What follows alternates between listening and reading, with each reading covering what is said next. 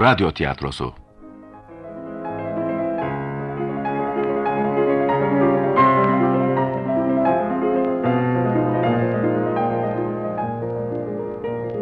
İzmir Hikayeleri.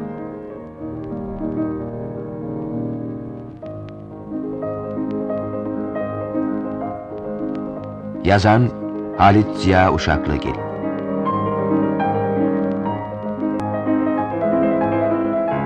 Radyoya uygulayan Sönmez Atasoy.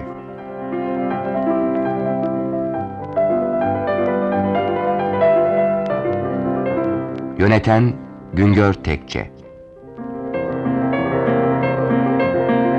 Efekt Cemal Engin Deniz.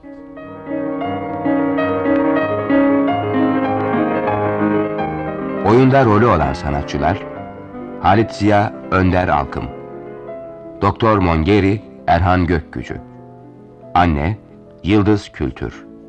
Hanım yenge Elif Türkan Çölok. Nevber Mediha Köroğlu. Affan Sabit Sönmez Atasoy. Behçet Kerim Çetin Köroğlu. Hoca Salih Erol Amaç. Amca Sedat Demir Nuri Bey Cevdet Arıcılar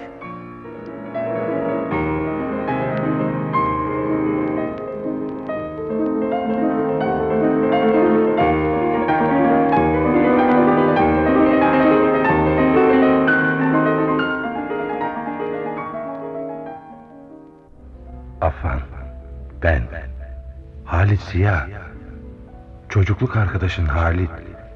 Beni hatırlamadın mı? Hani İzmir'de uzun bir süre sizin konakta kalmıştım. Affan, ne olur o çocukluk günlerimizi hatırla. Baş başa verip dertleştiğimiz günleri.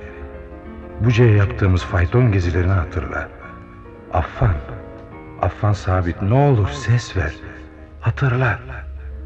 Ben, çocukluk arkadaşın Halit Ziya.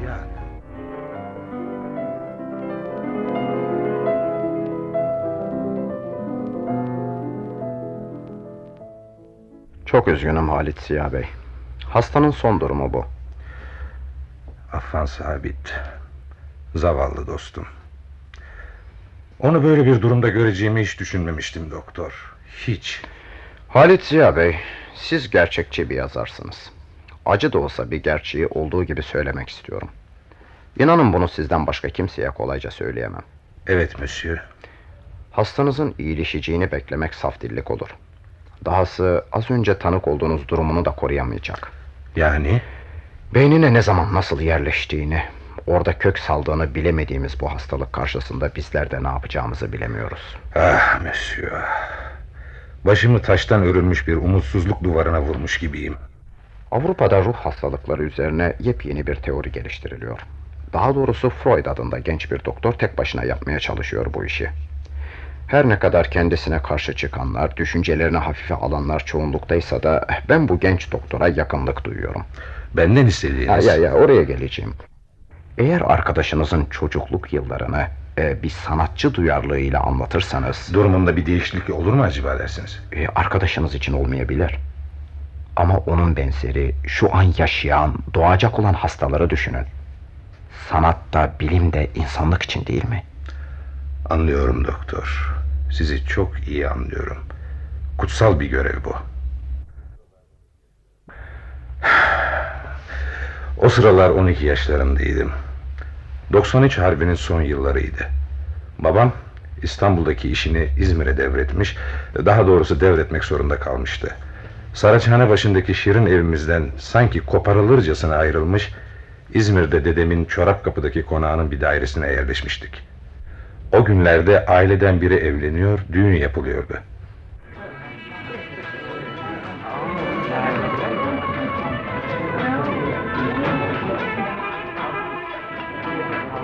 Anne, anneciğim. Ne var yavrum? Yine daldın gitti. Ne düşünüyorsun? Nasıl hiç anneciğim? Ailede herkes düğün dernek eğleniyor. Sense elin şakanda kara kara düşünüyorsun. Aman bıktım bu düğün dernek patırtılarından. Bir derdin mi var anne? Canım yavrum. Büyüdü de annesine dert ortağı oluyor. Hiçbir derdim yok oldu. Sen bana bakma arada bir dalar gider. Babam İstanbul'dan ne zaman dönecek? E, Son birkaç işi kaldı. Onları yoluna koyunca döner. Biz de böyle göçmen kuşlar gibi oradan oraya taşınmaktan kurtuluruz. Bizim boşalttığımız evde şimdi düğün sahipleri mi oturacaklar? Evet yavrum. Yusuf amcanla yeni eşi. Hadi hadi sen de git eğlen evladım. Eğlenmek istemiyorum. Benim de canım sıkılıyor. Neden yavrum? Kardeşlerimi çok özledim. Doğru ya. Her biri bir akrabanın yanında. Her biri burnumda tütüyor. Bak aklıma ne geldi Halit. Benim burada bir yengem var. Kevser yenge. Yaşlı, hoş sohbet, pamuk gibi bir ihtiyarcık. Nicedir haber gönderip bizi çağırıp duruyor. Bir de senden büyük bir torunu olacak. İster misin birkaç günlüğüne oraya gidelim? Hadi hemen gidelim anne. Aa, önce dedenle ninenden izin almamız gerekir. O zamana kadar da dadın çantamızı hazırlar. Bakarsın biz oradayken babam da İstanbul'dan dönmüş olur. İnşallah yavrum. Yine bir araya gelir birazcık olsun huzura kavuşuruz.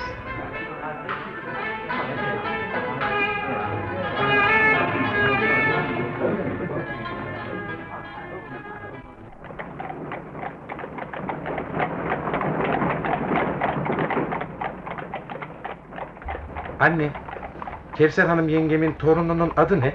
Affan. Affan sabit. Talihsiz çocuk. Neden anne? Neden olacak yavrum? Doğarken annesini kaybetti. Ne üzüntülü günlerdi o günler.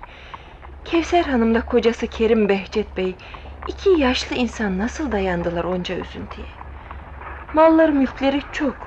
...ama kötü talih insanı yakasına sarılmaya görsün. Peki Affan'ı kim büyütmüş? Hanım yengenle enişten. Yani dedesiyle anneannesi. Ee, anne Affan benden büyük olduğuna göre ona abi mi diyeceğim e, yoksa doğrudan doğruya adıyla mı çağıracağım? O nasıl isterse öyle hareket edersin. Ya bizi yadırgarlarsa? Neden yadırgasınlar yavrum? Onlar da akrabamız. Göreceksin nasıl sevinecekler.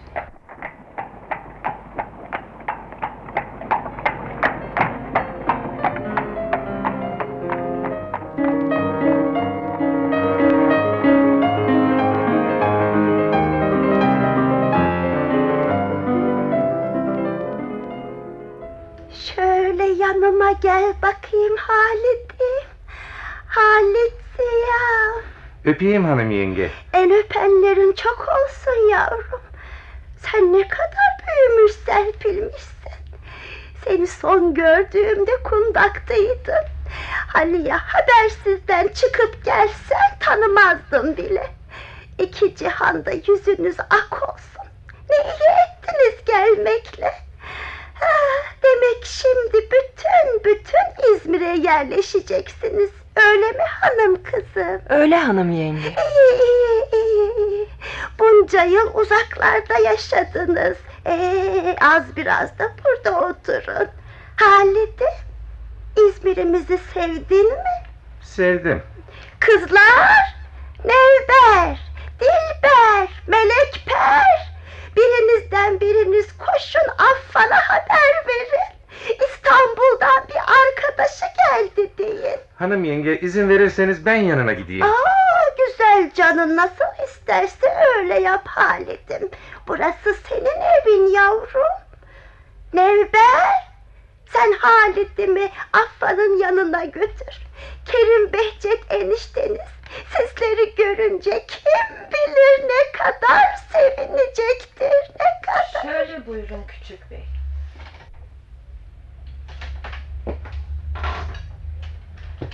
Küçük bey, Halit miydi adınız? Evet.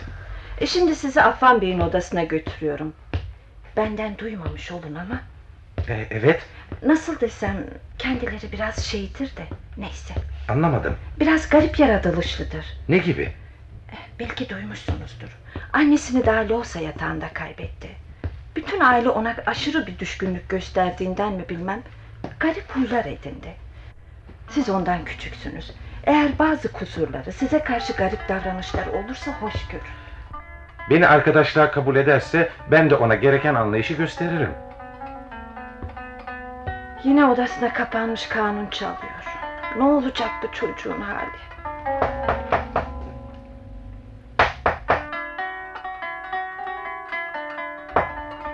Girin.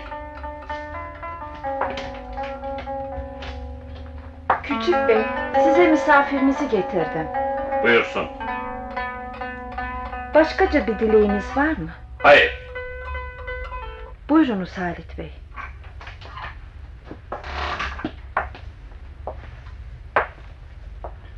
Halit sen misin? Evet. Seni bugüne kadar hiç görmemiştim. Memnun oldum. Ben de. Ben de. Buyur otur. Teşekkür ederim. Sizler İstanbul'da, biz İzmir'de. Hiç fırsat olmadı. Ama umarım bundan sonra sık sık görüşürüz. Umarım. Sigara? Hayır teşekkür ederim. Şimdilik öyle bir alışkanlığım yok. Ben de tiryakisi değilim ama arada bir sıkıldıkça tellendiriyorum. Biliyor musunuz seni bana çok methettiler. Sizi de bana. Güldürmeyin beni. Neyse. Anlayacağınız benim için övgü de yergi de bir anlam taşımıyor artık. Garip.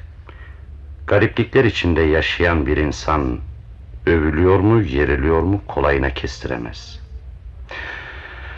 Ya işte durum bu. Odanız, kitaplarınız, çalışma masanız çok güzel. Aa bakın onları övebilirsiniz. Gerçekten değerli bir kütüphanem var. Böyle bir çalışma odamın olmasını çok isterdim. Tıpkı sizinki gibi. Ne olur sizi bizi kaldıralım. Gerçekten çok sıkıcı. Nasıl isterseniz. Müzikle aranız nasıl? Eh, iyice. Bu eh iyice biraz iğreti olmuyor mu? Kendimden söz ederken kesin kelimeler seçmekten çekinirim. Yaşından, görünüşünden çok daha olgunsun. Teşekkür ederim. Ama arkadaşlığımızın sürekli olmasını istiyorsan bana karşı kesin konuşmalısın. Peki. E, Müzikle aran nasıl? Düdük gibi bir sesim var. Yalnız kendi kendime öğrenebildiğim şarkıları o da kimsenin duymayacağı bir yerde söylerim. ya da içimden mırıldanırım. Müzikle aram bu kadar. Oldu mu? Oldu, anlaştık.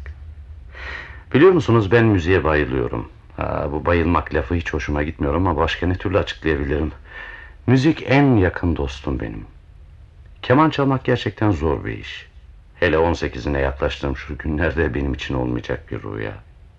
Neden ut hoşuma gitmiyor? Oysa ne kadar içli saz. Ben kanunda karar kıldım. Meğer İzmir'de kanun dersi verecek çok az kişi varmış. Onların da çoğu doğru dürüst nota bilmiyor. Eniştem Şevket Kemal Bey'i tanıdın mı sen? Hayır daha fırsat olmadı. Eniştemin bir arkadaşı kanuni olarak ün yapmış Cemal Bey. O bana ders vermeyi kabul etti. Hem de ücretsiz olarak. Nasıl mı diyeceksin? Kendisi yüksek bir makam sahibi. Böyle basit işlerden ücret almak ayıp olur. Ama biz bu yükün altında kalmayız. Anneannem Cemal Bey'in gelinli kızı için şimdiden çok değerli çeyizler hazırlıyor. Ben de bu arada nota öğreniyorum. Nota bilince her peşrevi, her semaiyi, her saz eserini çalgıya uygulayabiliyorsun. Yalnız kanun çalarken diyez ve bemolleri çıkarabilmek için mandallarla oynaman gerekiyor. Bak şöyle. Az önce Nihavent Peşrevi'nin notalarına göz gezdirdim. Sonra bir şarkı var. Sen de bilirsin. Müjganların yaresi işler ciğerimde. Duydum sanıyorum. Müjganların yaresi. Dur kıpırdama. Kıpırdama. Ne var ne oldu? Görüyor musun? Neyi? Bahçedeki güvercinliğe yaklaşanı. Yo, hayır. Yavaşça pencerenin yanına gel. Bak bak şimdi gördün mü? Ha, evet evet evet evet. Bir kedi. Kuyruğu kesik sarı kedi. Güvercinleri gözetliyor. Şimdi tüfeğim yanımda olsaydı ben bilirdim yapacağımı. Onu da öbürlerinin yanına gönderirdim. Öbürleri kim? Kediler. Bir bir oraya gönderiyorum. Nereye? Onu bir ben bilirim bir de kedilerin Allah'ı. Ha sen e, mektep işlerini ne yapacaksın? Babam İstanbul'dan dönünce bir karara varacağız. Rüştiye'nin son sınıfına geçtim. Derslerimde çok iyi gidiyordu. Burada İzmir Rüştiyesi'ne devam edersin. Rüştiye'yi bitirince de Fransızca öğrenmeye bak. Dil bilmek çok önemli. Ben iki yıl önce Rüştiye'yi bitirdim. Şimdi özel hocalardan ders alıyorum. Hoca Salih Efendi Türkçe derslerine, Monsieur Çukurel Fransızca derslerine geliyor. İkisi de çok değerli hocalar. Bir yandan da şiirle uğraşıyorum. En sevdiğim şairler Baki, Nedim, Ziya Paşa. Bak nasıl da sinsice yürüyor. Kim? Kuyruğu kesik sarı kedi. Hep bu canavar beynimi alt üst ediyor. O kadar da şoklar ki. Düşünebiliyor musun azgın bir tekirin bir civcivi parçaladığı Fosforlu gözleriyle kapkara bir kedinin kafesteki narin kanaryanın yüreğine çengel attığı içi köz dolu bir mangal gibi der top olmuş yuvalanan Duman rengi bir kedinin su içen bir güvercin yavrusunu dişlerinin arasında ezdiği bu kanlı dünyada Şiirle, dille, müzikle avunabilir mi insan? Söyle avunabilir mi? Avunabilir mi? Anlayacağın Halit kardeşim, şimdilik ufak tefek gazeller yazmakla yetiniyorum. Ama ileride bir divan yazmayı düşünüyorum. Girin. Yemek çıkıyor. Büyük efendi sizleri bekliyor.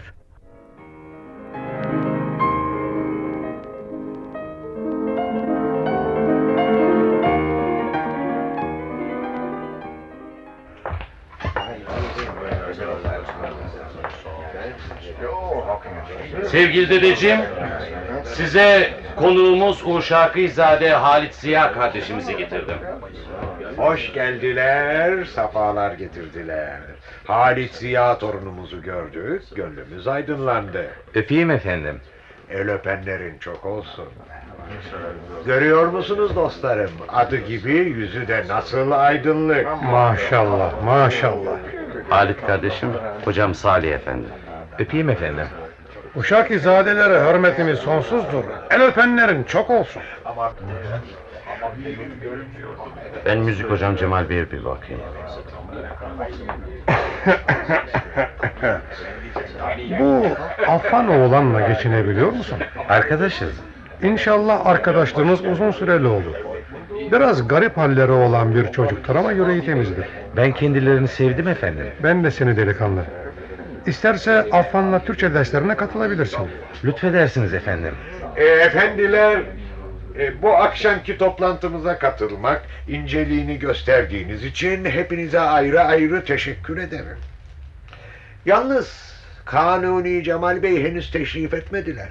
İzin verirseniz toplantımızın şakrak bülbülü gelinceye kadar ben damadım Şevket Kemal Bey ile bazı özel konularda görüşeceğim. Sizler sofraya buyurun, eğlenmenize bakın. Halit, şu adamı görüyor musun? Evet. İnce, kuru, tedirgin biri. İşte o Selime teyzemin kocası eniştem Şevket Kemal Bey. Beni niye tanıştırmadın? Değmez. Onun kadar iki yüzlü bir adam bu yeryüzünde az bulunur. Kim bilir yine dedemin ağzının içine girmiş ne düzenler hazırlıyordur. Bu evde ondan nefret ettiğim kadar hiçbir şeyden nefret etmemişimdir. Güvercin yavrularını yiyen kedilerden? Bu adamın onlardan en ufak bir farkı yok.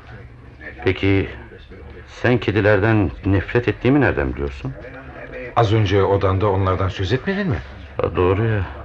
O kuyruğu kesik sarı kediden söz ettin de. Sanki aradan uzun bir zaman geçmiş gibi unutmuşum. Görüyor musun dedeme nasıl dal kavukluk ediyor, nasıl yaltaklanıyor. Şimdi lafları öyle karıştırıyordur ki dedem söylediklerinden tek kelime anlamıyordur. Peki niye öyleyse önemseyerek dinliyor? Avucunun içine pençesini almış bir kere. Mal mülk işlerine hep o bakar. Asıl mesleği ne? Düzenbazlık. Evet evet. Kelimenin tek anlamıyla düzenbazlık. Bu iyi yürekli temiz insanların arasına nasıl sızmış, teyzem Selime ile nasıl evlenmiş akıl sır erdiremiyor. İçime öyle doğuyor ki Halit. Bu adam bir gün her şeyimizi ama her şeyimizi eline geçirecek. O zaman bize avucumuzu yalamak düşecek. Peki bunu sezinlediğin halde niye engel olmuyorsun? Deli affanı kim ciddiye alır ki Halit? Oo işte Kanuni Cemal Bey de teşrif ettiler. Nerelerde kaldınız mirim? Sohbetimiz siz olmayınca öksüz bir çocuk gibi boynu bükük kaldı. Bülbüller öter, güller açar. Şad gönül yok. Bir böyleliğin görmemişiz faslı baharın. Kanuni Cemal Bey'e ve torunumuz Halit Ziya yavrumuza hoş geldiniz diyor. Kadehimi bütün dostlarımın şerefine kaldırıyorum. Sağlığınıza efendim. Bir böyleliğin görmemişiz faslı baharın.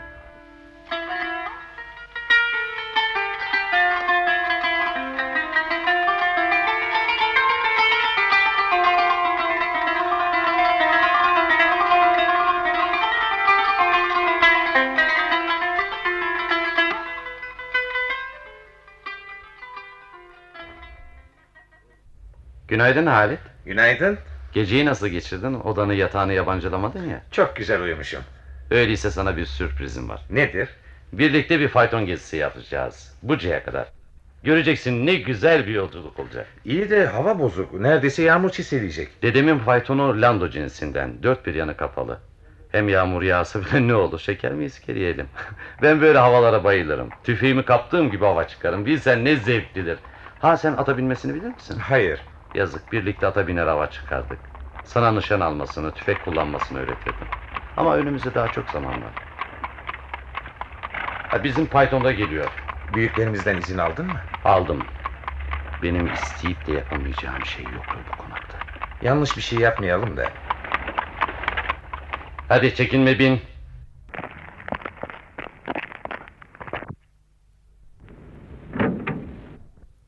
Ne güzel araba bu. Belki de İzmir'in en güzel arabası. Arabacı! Buca'ya çek. Göreyim seni bütün ustalığını kullan.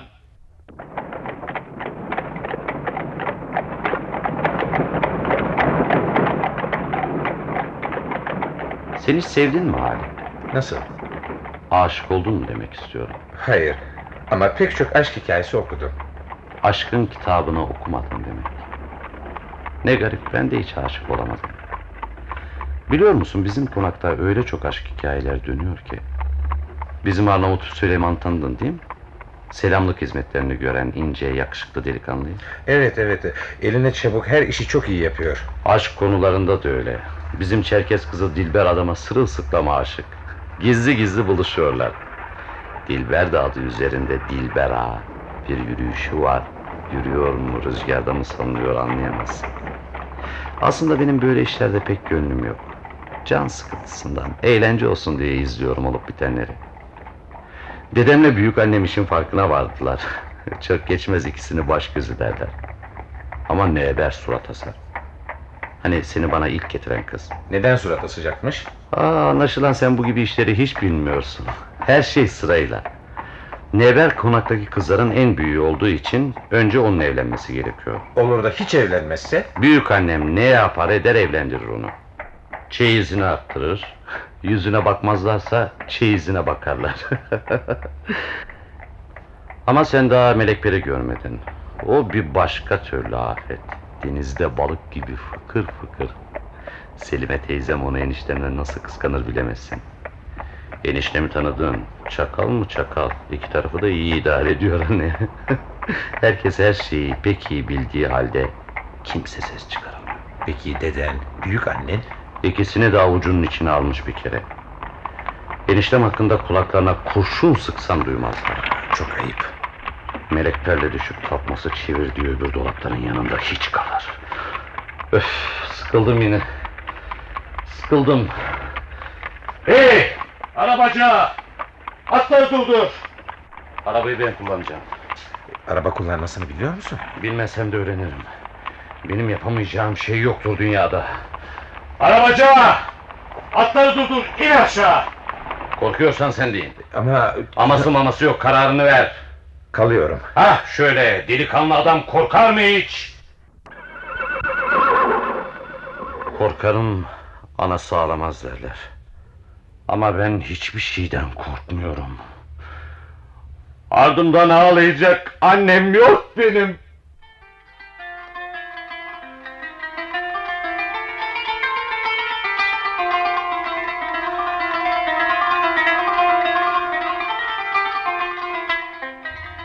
Bir şarkı vardı Halit. Çok iyi bildiğim halde birden sözlerini unutuverdim. Nasıldı o?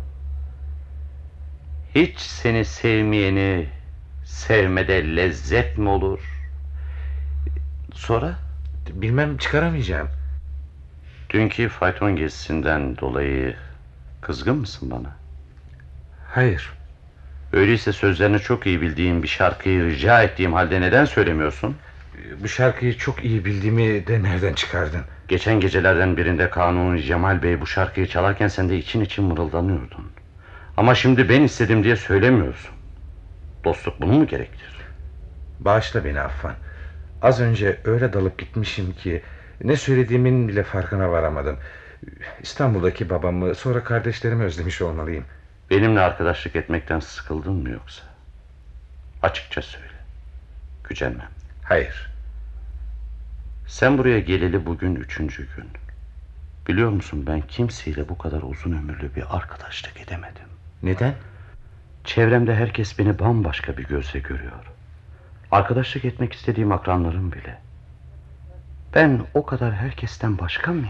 İstersen şarkıyı söyleyeyim. Hepsini. Hayır kalsın kalsın o bir anlık bir heyecan dalgasıydı geçti. Şimdi yepyeni şeyler yapmak istiyorum. Fransızca çalışmak, gazeller yazmak, kitap okumak, sonra hava çıkıp bütün mermileri yakmak, yakmak, yakmak. Mavi gökyüzünü bir kuş gibi kanadından vurup düşürmek istiyorum. Bazen, bazen koca dünyanın küçüldüğünü, içi boş kof bir ceviz gibi kaldığını duyuyorum. Onun için dolu dizgin yaşamak istiyorum. Bir gün güçsüz kalıp o kof cevizin kabukları arasında sıkışıp kalacağım. Korkuyorum Halit, korkuyorum. Niye böyle kuruntulara kaptırıyorsun kendini? Oysa senin yerinde olmak isteyen o kadar çok insan var ki. Bırak oldukları gibi kalsınlar, insanlardan nefret ediyorum. Zaman zaman çok sevdiğim dedemin, anneannemin varlığı bile cehennem gibi geliyor bana. Yo böyle konuşma. Öyle konuşma, böyle konuşma. İçimden geçenleri söylüyorum sana. Biliyor musun beni evlendirmek istiyorlar. Sahi mi? Kiminle? Naciye ile. Beni o suratsız kıza layık görüyorlar. Benim kahrıma ancak o katlanırmış. Ben öylesine çekilmez bir insan mıyım Halit? Her şeyi ters yorumlama. Naciye güzel, akıllı kız. Ne olur ne olur sen ol onların ağzıyla konuşma. Büyük annemin teyzemin mahzendeki çeyiz sandıklarını gördün mü? Sıra sıra dizilmiş tabutlar gibi. Sanki hepsi de insanları içine almak, yutmak, yok etmek istiyorlar. Bunu bekliyorlar. Altının, gümüşün, sırmanın, ipiğin ne değeri var bir tabutun içinde kaldıktan sonra? Gün ışığına çıkarıp dağıtsınlar herkese. Selamlıkta, haremlikte, avluda, ahırda, mutfakta çalışanlara dağıtsınlar. Aa bak. Mutfakta çalışanlardan Sümbül, Ferah ya da Fidan'la gözümü kırpmadan evlenebilirim. Sen onları ekmek hamuru yoğururken, mercimek fasulye ayıklarken gördün mü hiç? Hayır. Büyük kayıp. Öylesine güzel türküler söylüyorlar ki açık havaya çıkmış yeniden doğmuş gibi oluyorum. Mutlak evlenmem gerekiyorsa onlardan birisiyle evlenirim. Ama beni altın sırmalı bir taputun içine sokmak isteyen Naciye ile asla. İçimden o çiğ sandıklarını yakmak, küllerini havaya savurmak geliyor. Ama sonuç, sonuç ne olacak? Al sana bir yığın dedikodu daha. Şşş dur, kımıldama. İşte tuzağa düşüyor. Ne yapıyorsun? Bırak o tüfeği. Sakın! Sakın bana engel olmaya kalkma. Günlerdir bu anı bekliyorum. Oh! Oldu! Oldu bu iş. Kuyruğu kesik sarı kedi de öbürlerinin yanına yollandı. Korkunç. Korkunç bir şey bu. Dünya daha az mı korkunç sanki?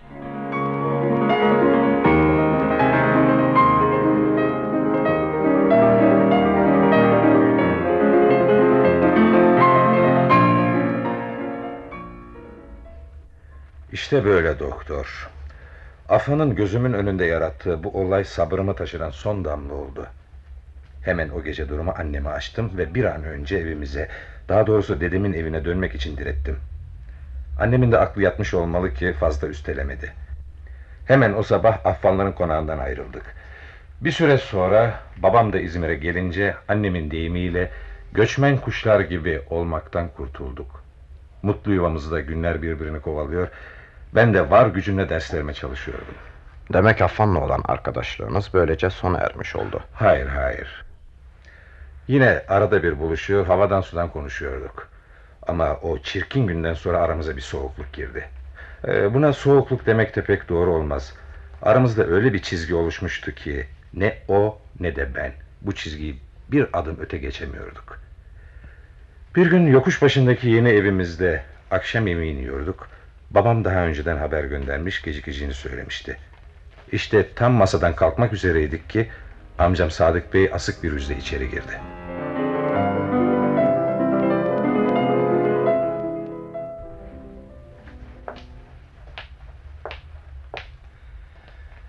Size bir haberim var.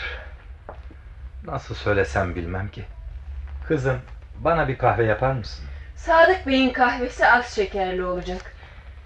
Evet Sadık Bey, haberiniz nedir hayrola? Kötü haber çabuk ulaşırmış derler. Ne yazık ki enişteniz Behçet Kerim Bey'i kaybettik. Bu muydu haberiniz? Yaşlı adamdı. Allah rahmet eylesin. Geride kalanlara ecir sabır versin. Peki Affan? O ne durumda? Ne yapıyor? Şu an ne yaptığını kestirmek güç değil. Ama gelecekte ne yapacağı meçhul. Gerçekten kaygı verici. Ne gibi? Biliyorsunuz, rahmetli Behçet Kerim Bey'in oldukça büyük bir serveti, emlaki vardı. Rahmetli para girdi çıktılarıyla, ufak davalarla pek uğraşmaz. Bu gibi işleri damadı Şevket Kemal Bey'e bırakırdı. Evet öyleydi. Bu ara nasıl olmuşsa olmuş, Şevket Kemal Bey rahmetliden genel vekaletname koparmış. Ne anlama geliyor bu?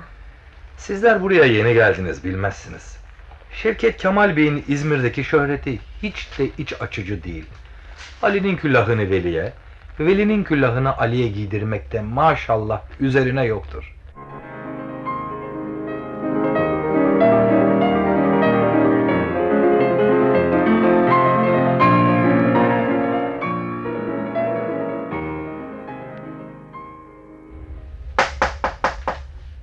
Girin. Affan! Sevgili kardeşim, hoş geldin. Buyur, buyur otur. Oturup da ne olacak Halit? Her gittiğim yerde aynı söz. Otur. Son günlerde de bir yere gittiğim yok ki. Aa kitaplığın çok güzel. Ama daha boş. Böyle olduğunu bilsem sana bir yığın kitap getirirdim. Niye boş bırakıyorsun bu güzelim kitaplığı? Ee, Şey, babam derslerimin dışında kitap okumama izin vermiyor. Sen de? gizli gizli okuyorum. Açıkta bırakırsam doğru sobayı boylarlar. Neler okuyorsun çoğunu? Bir seçme yapmıyorum. Elime ne geçerse. Fransızca, Türkçe. Ben bütün kitaplığımı dağıtmaya karar verdim. Neden? Uzun hikaye. Neyse geçelim bunları bir kalem. Şimdi oturabilirim. Biliyor musun Halit? Şu dünyada her şey öyle boş, öyle boş ki. Buraya sana içimi dökmeye geldim ama tek kelime söylemeden tıkandım kaldım. İnsanın içini dökmesi geviş getirmek gibi bir şey. Günlerce, haftalarca kafanda evirip çevirdiklerini ağzında gevele dur. Yo öyle deme. Dostun, arkadaşınım ben senin. Halit. Neler neler dönüyor çevremde bir bilsen. Ben de körebe gibi gözü bağlı ortalıklarda dolaşıp duruyorum. Dön baba dön, dön baba dön. İnsan dünyada kör olabilir ama körebe asla. Meğer dedem Behçet Kerim Bey bizim evin tek direğiymiş. Onun yaşlı bedeniyle birlikte her şeyimiz çöktü gitti. Demek bir kişinin orta direk olması da kötüymüş. Bencillikmiş. Yanlış anlama rahmetli dedemi suçlamıyorum. Ama bu böyle. Şimdi evimiz bir yangın yerinden farksız. En temiz, en namuslu bildiğimiz kişiler yangın yerinden mal kaçırmada birbirleriyle yarışıyorlar. Her şey alınıp satılıyor, her şey bölüşülüyor. Odalar, sofalar, avlular, ahırlar, mutfaklar, hayvanlar, atlar, arabalar, alıp kaçanlar, satıp saranlar. Herkesin elinde kalıyor. Siz ne yapıyorsunuz hanım yengemle sen? Biz hiç seyrediyoruz. Biliyor musun benim oturduğum selamlık tarafındaki oda vardı ya. İşte o oda enişteminmiş. Beni de oradan dehlediler. Yok canım. Nereden nasıl o herifin oluyormuş orasını anlamıyorum. Malda mülkte gözüm yok benim. Ama bir odayı bile çok gördüler bana. Şimdi başka bir odada yatıp kalkıyorum. Peki sebep? Sebep sorma bana. Olanları anlatıyorum. Bir de sebep aramaya kalkarsam tümden çıldırırım. Dinle bak. Benim oturduğum selamlık kısmındaki odaları enişten bey Şakir adında bir göçmene satmış. Bilmem kaç altına.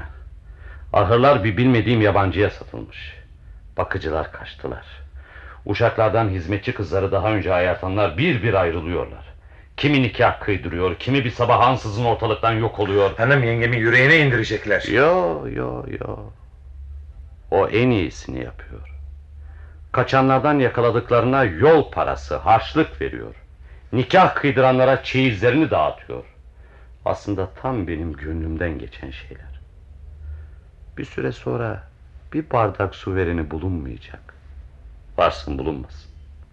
Aa bak mutfaktaki mecbur bacıyı unuttum. Onun adı üzerinde. Şimdilik kalıcı. Neber bir kahveciye kaçtı. Arnavut Süleyman'la Dilber Manisa dolaylarında bir çiftliğe kaçmışlar. Daha anlatayım mı Halit? Selime teyzemle eniştem olacak herif Göztepe'deki yazlığa kuruldular. Bozyaka'daki çiftlik satılmak üzere. Of! Of sus de Halit sus de! Ya da bir bardak su ver bana. Olur olur hemen şimdi.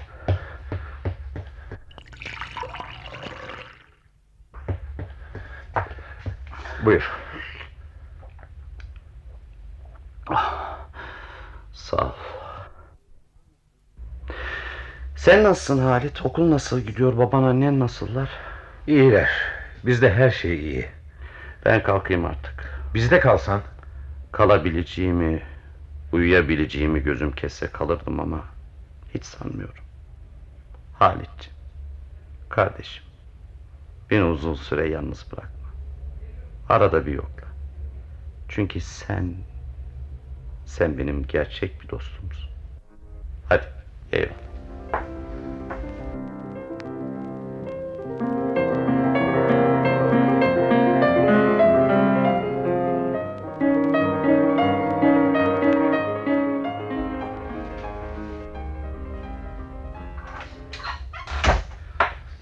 Halit! Halit ne iyi ettin gelmekle. Ne iyi ettin kapımı vurmadan girmekle. Gel, gel şu mindere karşıma otur. Bak sana hemen şimdi okuduğum bir yeri okuyacağım. Dur bakayım neresi. Ha buldum. Nedir okuduğun? Mevlana'nın Divanı Kebir'i dinle bak.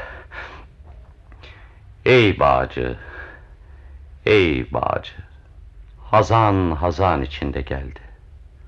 Dallarda, yapraklarda gönül derdinin örneğini gör, örneğini gör. Ey bağcı, hadi ağaçların sesini dinle. Ne dediklerini anla. Her tarafta yüzlerce dilsiz, yüzlerce dilsiz inliyorlar. Kuruyan iki dudak, ağlayan iki göz asla sebepsiz değildir. Gönlünde derdi olmayanın yüzü sararmaz, yüzü sararmaz. Anlaşılan gam kuşu geldi, bağda acı acı ötüyor. Gül bahçesi nerede? Gül bahçesi nerede? Susam çiçekleri nerede? Fesleğenler nerede? Serviler, laleler, yaseminler nerede? Yeşil giymiş çimenler nerede? Erguvanlar, o güzel erguvanlar nerede? Tabiatın her süt veren, evet her süt veren pınarları kurumuş, ruhun sütünü akıtmıyor. Benim tatlı dilli, o hünerli bülbülüm nerede? Nerede? Nerede? Nasıl Halit? Sen ömründe böyle bir şiir okudun Hayır. Okuyamazsın. Ben senden ayrıldıktan sonra kiminle tanıştım biliyor musun? Kiminle? Tasavvufla. Şimdi İzmir'de ne kadar Mevlevi dergahı, Bektaşi tekkesi varsa bir bir dolaşıyorum. Bana kucak açmaları için eşiklerine yüz sürüyorum. Meğer yeryüzü kof bir cevizin içi kadar dar değilmiş. Meğer yeryüzü aynasının sırrı büsbütün çatlayıp dökülmemiş. Ben yavaş yavaş kendimi buluyorum Halit. Ne dersin? Kurtulacak mıyım ben? Seni böyle sevinçli görmek beni çok sevindirdi. Bak kitaplama. Baştan sona değişmiş. Bu cilt cilt eski kitaplar nedir? Hepsi, hepsi tasavvufla ilgili. Bak şu kitabı daha bugün aldım. Hafızı Şirazi'nin divanı için Konyevi Fehmi'nin yazdığı şerh. Yani açıklama. Hiç duymamıştım. Ben de öyleydim. Bir gün gelir bu kitapların içinde yazılanları sen de benim gibi duyarsın. İçinden duyarsın. Ben ucundan kenarından duydum. Yepyeni bir dünyaya doğdum. Bak bunlar mesnevi şerhleri. Tam altı cilt. Sen Fena fillah nedir bilir misin? Duymuşluğum var ama aslı nedir bilmiyorum. Haklısın. Çok şeyi bilmeni istiyorum senden. Ben de tam anlamıyla bilmiyorum ya. Ama kişinin benliğinden sıyrılmasının, yavaş yavaş yoklukta erimesinin, Tanrı'nın varlığıyla bütünleşmesinin ne yüce bir duygu olduğunu içimde, taburamda duyuyorum. Bir yangın yerine dönen hayatla bütün bağlantılarımı çözüp atmalıyım. Varlıktan soyunmalıyım. Biliyor musun Halit?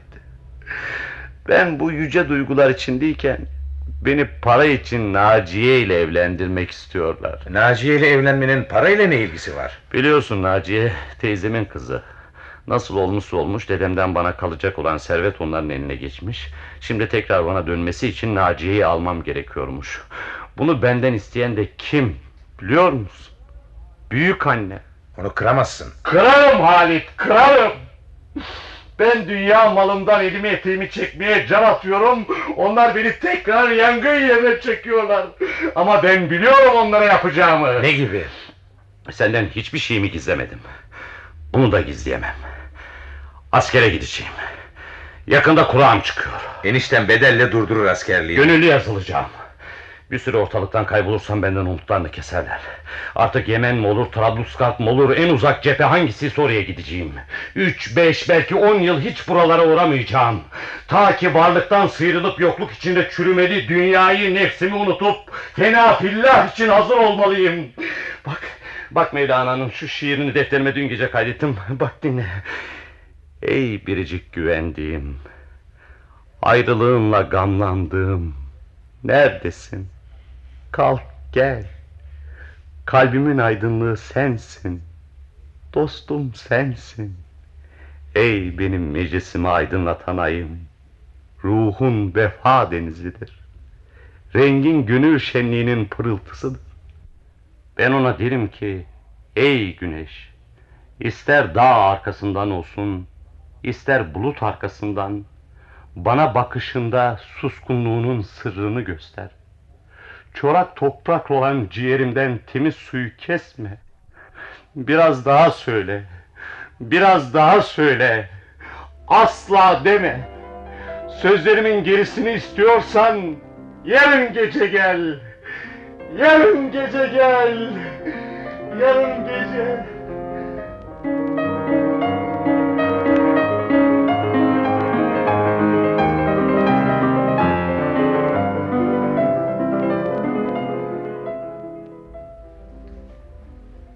Doktor, Afa'nın o genç yaşına rağmen öyle bir alış ve kavrayış gücü, öyle coşkun bir anlatışı vardı ki...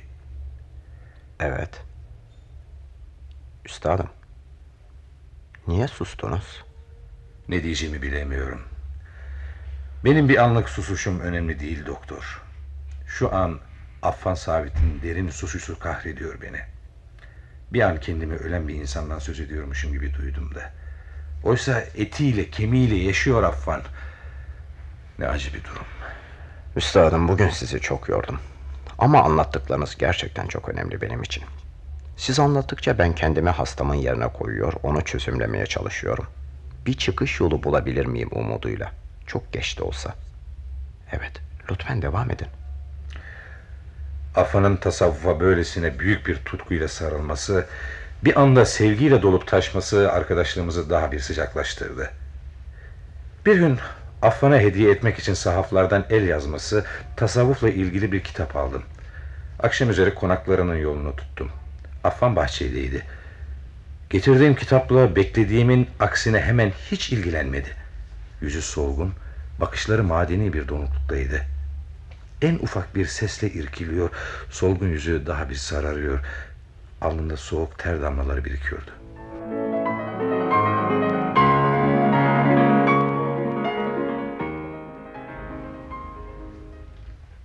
Affan, neyin var senin? Hasta mısın yoksa? Hayır. Hasta olduğunu nereden çıkardın? Yoksa sen de mi onlar gibi düşünüyorsun? Onlar kim? Çevremdeki herkes. Yüzün solgun, terliyorsun. E, bu durumda kim seni görse hasta mısın diye sorar. Öyle düşünür ya da... Kim ne düşünürse düşünsün hasta değilim ben. İstersen içeri girelim. Mevsim ilerledi. Dışarıları artık serin oluyor. Ben en ufak bir serinlik duymuyorum. Bir esinti bile. Tersine sıcaktan bunalıyorum.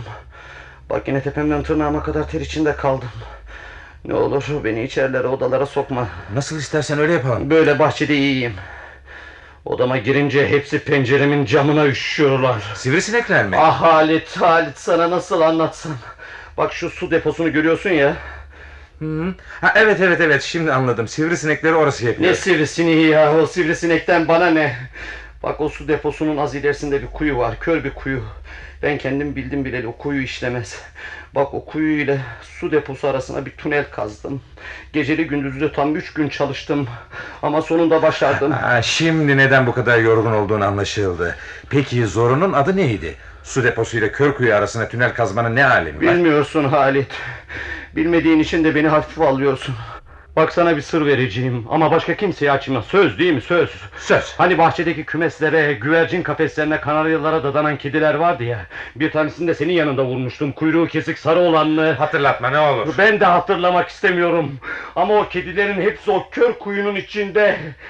Tam 18 tane. Bundan kimsenin haberi yok. Kuyunun üzerinde demirden ağır bir kapak var. Kimse akıl edip oraya bakmaz. Kapak çok ağır. Nasıl oluyordu o kapağı kaldırıp dışarı çıkabiliyorlar şaşıyorum. Kimler? Öldürdüğüm kediler. Her gece tam 18 kedi o kuyudan dışarı çıkıyor. Başı ilk öldürdüğüm o lanet kara kedi çekiyor. En sonra da kuyruğu kesik sarı kedi. Neler söylüyorsun sen Affan? Nasıl laflar bunlar? Laf değil gerçek. Her gece o kuyudan teker teker çıkıyorlar üzerime saldırıyorlar. Karanlıkta kor gibi yanan fosforlu sarı yeşil fosforlu gözleri bir düşün. Büyüdükçe büyüyor her biri. Nah bu kadar oluyorlar. Hemen eve odama kaçıyorum içeriden kilitliyorum kapımı. Bu defa pencereye üşüyorlar. Hayal bütün bunlar Affan hayal. Evet kedileri vurduğunu gördüm. Ölülerini de o kör kuyuya attığın gerçek olabilir ama ötesi... Evet, evet ötesi de var. Her gece, her gece kedilerin bu saldırılarından ölecek gibi oluyorum. Çare olarak tünel kazmayı buldum. Su deposundaki suları bu tünelden o kör kuyuya boşaltırsam kedilerden kurtulurum sandım. Dün gece de yaptım bu işi. Sonuç... Evet. Hani kediler yedi canlıdır derler ya. Meğer doğruymuş bu söz. Suyu olanca gücüyle kuyuya basınca hepsi birer birer canavar kesilip demir kapağı kaldırdı ve üzerime atladılar. Canımı zor kurtardım. Şimdi, şimdi bak böyle tir titriyorsam ondandır. Sen söyle, sen söyle ne yapayım Halit? Akıl ver bana. Her birinin yedişer canını nasıl alabilirim teker teker? Hayal bu gördüklerin Nasıl alabilirim yemin ederim sana. Söylediklerimin hepsi gerçek. Sen nasıl şu an karşımda gerçeksen onlar da öylesine gerçek. İnanmazsan konaktakilere sor. Bütün bir gün boyu su sıkıntısı çektiler. Depoyu olduğu gibi boca ettim kedilerin üzerine. Şu kuyuya bir de birlikte bakalım. Hayır, hayır sakın ha. Ayak seslerimizden uyanırlar. Belki, belki şu an bizi dinliyorlardır. Affan. Affan bırak bu saçmalıkları. Ah keşke keşke keşke saçmalasam. Bütün bir gece pencerenin camında 18 çift fosforlu gözün ne demek olduğunu anlıyor musun sen? Peki kediler pencerene üşüştükleri zaman perdeyi kapamıyor musun? Ha? Bak bunu hiç akıl etmemiştim. Doğru ya. Ha. Bir de şunu aklım almıyor hiç. Kediler o demirden ağır kapağı açıp kuyudan çıkıyorlar da sonra nasıl oluyordu o kapağı kaldırıp kuyuya dönebiliyorlar? Vay canına. Ne iş be? Affan. Affan. Affan.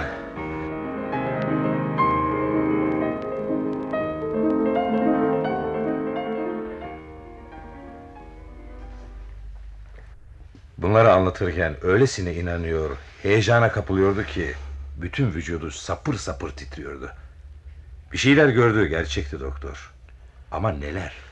İşte o sıralar hastalığı saptanıp denetim altına alınsaymış. Belki. Şaşıracaksınız ama doktor, aynı hafta içinde Affan sağlıklı, neşe içinde çıka geldi. Hem de sırtında asker elbiseleriyle. Yüzüne renk gelmiş, toparlanmış, sanki bambaşka bir insan olmuştu. İkide bir sevincinden boynuma sarılıyordu.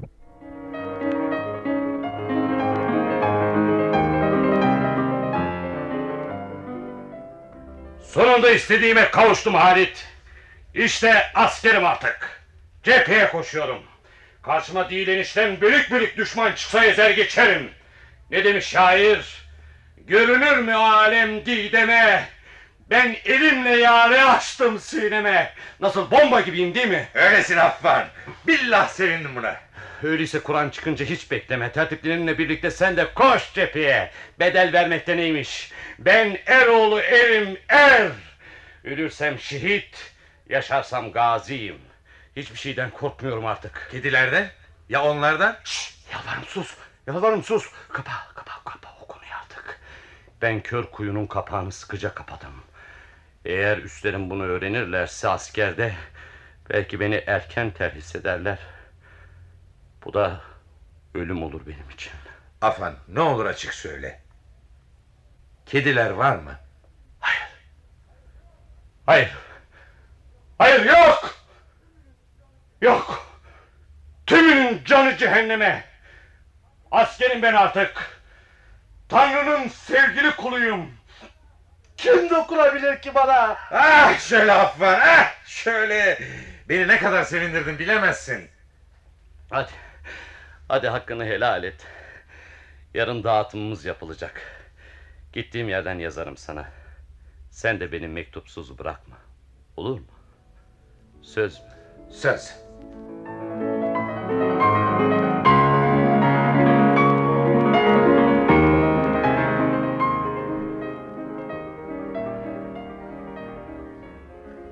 Ama sözünü tutmadı doktor. Ya da tutamadı.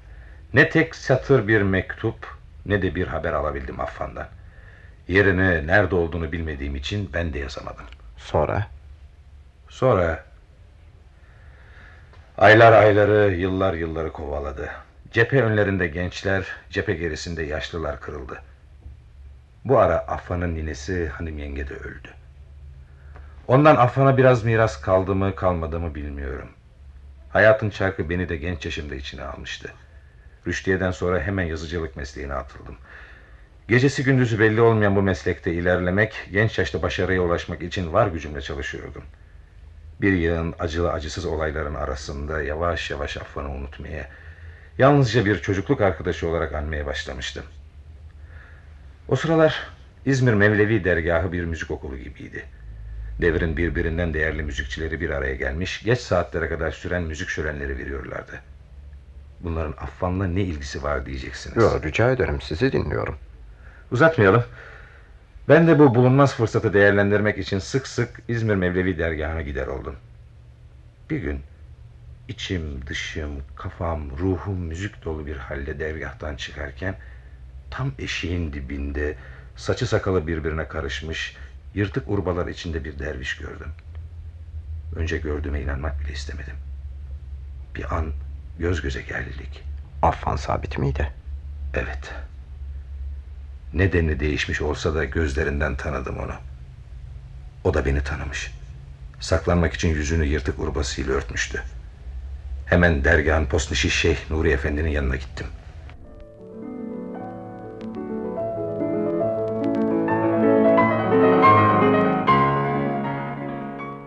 Şeyh Efendi, şu kapının eşiğinde oturan dervişi tanıyor musunuz? Evet Halit Bey. Niye sordunuz ki? Hiç ilgimi çekti o kadar. Ee, Kim olduğunu öğrenmek istedim. Adı nedir? Kendisine sormadınız mı? Bilmem, çekindim. Öyle olsun diyelim. Adı Gufran Dede. Gerçek adı mı bu? Bakınız Halit Ziya Bey kardeşim. Siz o dervişin kim olduğunu benden daha iyi biliyorsunuz. Evet, Gufran Dede. O bildiğiniz kişi. Yani Affan Sabit. Evet, ama burada adı Gufran Dede. Bu bir sırdır. Ne olur bu acı sırrı fazla deşmeyin. Sizi tanımazlıktan gelmesini de hoş görün. Zavallıcık. Kimliğini unutturmak, bu dergaha sığınmak için en çileli işlere katlandı. Hala da seve seve katlanıyor. Ne olur, ne olur onu kurmaya çalıştığı dünyasını bir gerçeği öğrenme uğruna başından aşağı yıkmayalım. Sizi anlıyorum. Ama bu haline göz yumamam.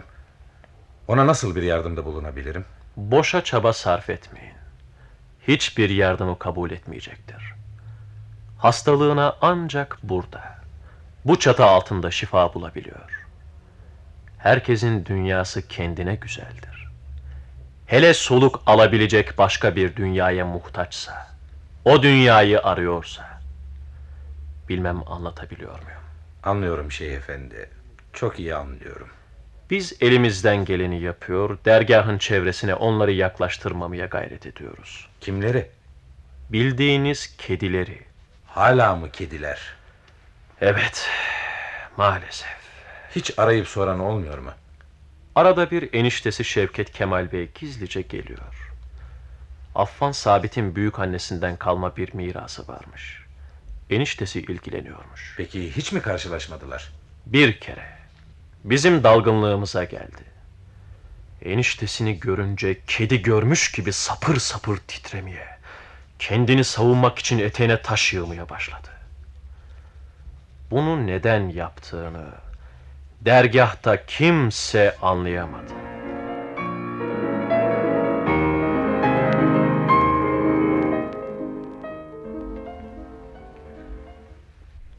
Neden yaptığı açıkça ortada. Başka türlü nasıl davranabilirdi ki? Evet. Peki sizinle dergahın önünde karşı karşıya kaldığı an? İnanın doktor, gözlerinin içinin aydınlandığını gördüm. Ama hemen kendini tuttu. Gözlerinin ışığını bile kıstı. Ya bugün? Bugün de göz göze geldiğimiz ilk anda aynı şey oldu. Belki o kadar belirgin değildi ama gözleri donuklaşmadan aynı ışıltıyı, aynı aydınlığı gördüm. Bana kalırsa doktor, o her şeyin farkında ve bilincinde. Ama niye böyle yapıyor anlayamıyorum. Hastalığının tek iyileşmez yanı da işte bu.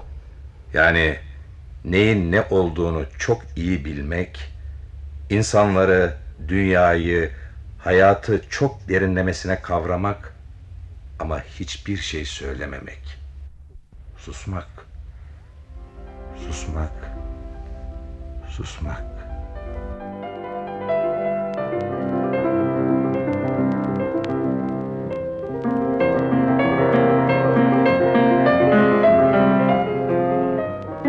Sönmez Atasoy'un Halit Ziya Uşaklıgil'in aynı adlı eserinden radyoya uyguladığı İzmir Hikayeleri adlı oyunumuzu dinlediniz.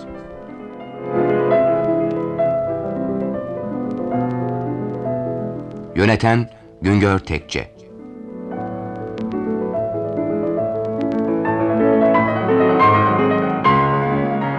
Efekt Cemal Engin Deniz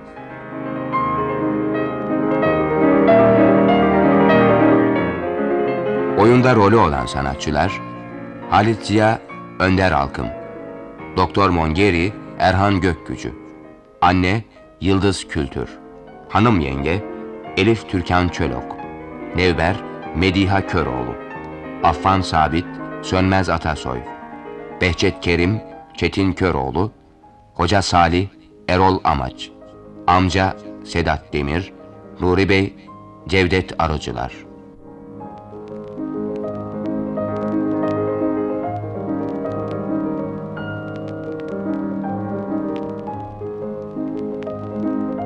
Radyo tiyatrosu sona erdi.